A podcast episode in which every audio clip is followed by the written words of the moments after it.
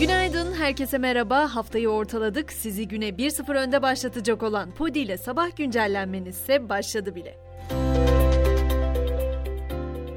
Depremlerden etkilenen Hatay'ın İskenderun ilçesinde ağır hasarlı binaların yıkımı ve enkaz kaldırma çalışmaları devam ediyor. Ancak dün Hatay Samandağ'da yaşadıkları alanlara asbestli moloz dökülmesini protesto eden depremzedeler jandarmanın sert müdahalesiyle karşılaştı. 20'ye yakın kişinin gözaltına alındığı olaylarda sıkılan biber gazı nedeniyle bir kadın da baygınlık geçirdi. Öte yandan depremlerde yıkılan binalara yönelik soruşturma süreci de sürüyor. Hatay'da 72 kişinin hayatını kaybettiği Erdoğan Premium City'nin yapı müteahhitlerinden Uğur Keçecioğlu tutuklandı. Uzun zamandır herkesin birbirine sorduğu o toplanan yardım paraları ne oldu sorusuna da Haluk Levent'ten yanıt geldi. Ahbap Derneği'ne yapılan bağışlarla deprem konutu inşa edileceği açıklandı. Seçimlere ise artık az bir süre kaldı ve siyaseti de bolca konuşur olduk ama devir değişiyor ve yeni nesli yakalamak isteyen siyasiler de artık sosyal medyayı her alanda kullanır durumda. Millet İttifakı Cumhurbaşkanı adayı Kılıçdaroğlu TikTok hesabı açtı. Burada bir video paylaşan Kılıçdaroğlu gelmez gelmez dediniz ne oldu diye yazdı.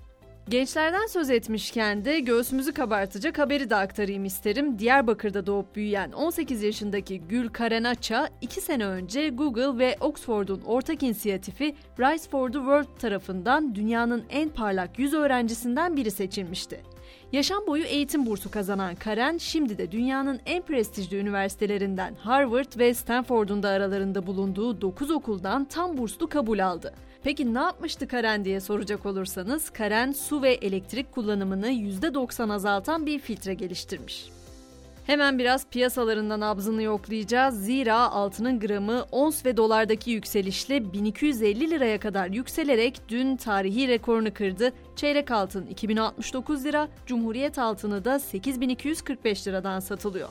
İstanbul'un da taşı toprağı altın olduğundan olsa gerek yaşam maliyeti giderek yükseliyor. Mart'ta İstanbul'da yaşayan 4 kişilik bir ailenin ortalama yaşam maliyeti 31.788 lira olarak hesaplandı. Dünya gündemine geçmeden önce son olarak yargı koridorlarından da bir haber vereyim istiyorum. Geçtiğimiz hafta muhalefet liderlerini kafa kesmekle tehdit eden Hizbullahçı şahıs herhangi bir ceza almamıştı hatırlayacaksınız.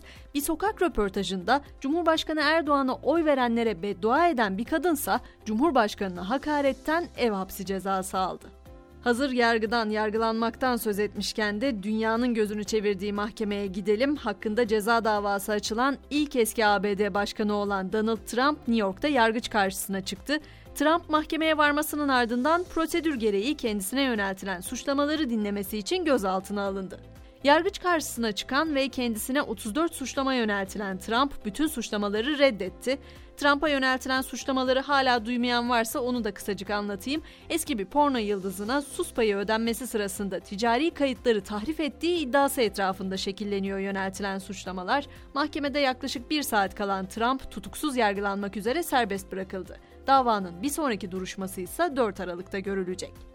Rusya-Ukrayna savaş hattında da yeni gelişmeler var. Rusya, Belarus askerlerine nükleer füzelere dair eğitim vermeye başladı. Rusya lideri Putin, Belarus'a taktik nükleer silah yerleştireceklerini açıklamıştı.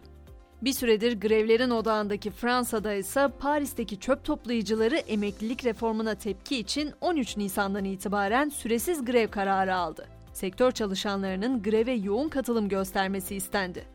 Öte yandan ülkede Macron hükümeti 6 yıllık dönemi kapsayan askeri harcama bütçesini 2024-2030 yıllarında 413 milyar euroya çıkarılmasını öngören yasa tasarısını görüşüyor.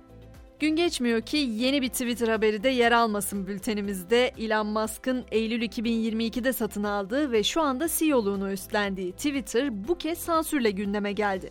Dünyanın en çok kullanılan uygulamalarından biri olan Twitter'ın trans, gay, lezbiyen gibi ifadeleri sansürlediği öğrenildi.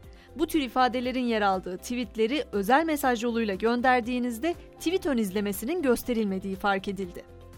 Spor dünyasına geçmeden önce sonunda bu da oldu dedirten haberi de duymayanlar ilk benden duymuş olsun. Bilim insanları ebeveynlerinin bebeklerinin cinsiyetini seçmelerine olanak tanıyan yeni bir tüp bebek tekniği geliştirdi. Söz konusu tekniğin %80 oranında işe yaradığı belirtiliyor.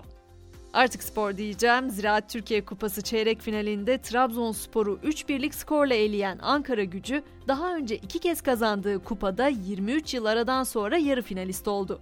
Trabzonspor'da ise teknik direktör Orhan Ak görevinden istifa etti.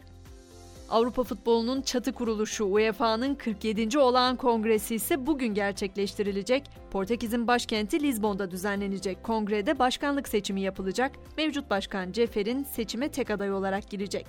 Ve güncelleni noktalarken bu sabahın mottosunu Antistenes'ten bırakmak istiyorum. Yunan düşünür şöyle diyor. Sana kendinle ilgili gerçeği söyleyebilecek sadece iki kişi vardır. Öfkesini kaybetmiş bir düşman ve seni çok seven bir dost.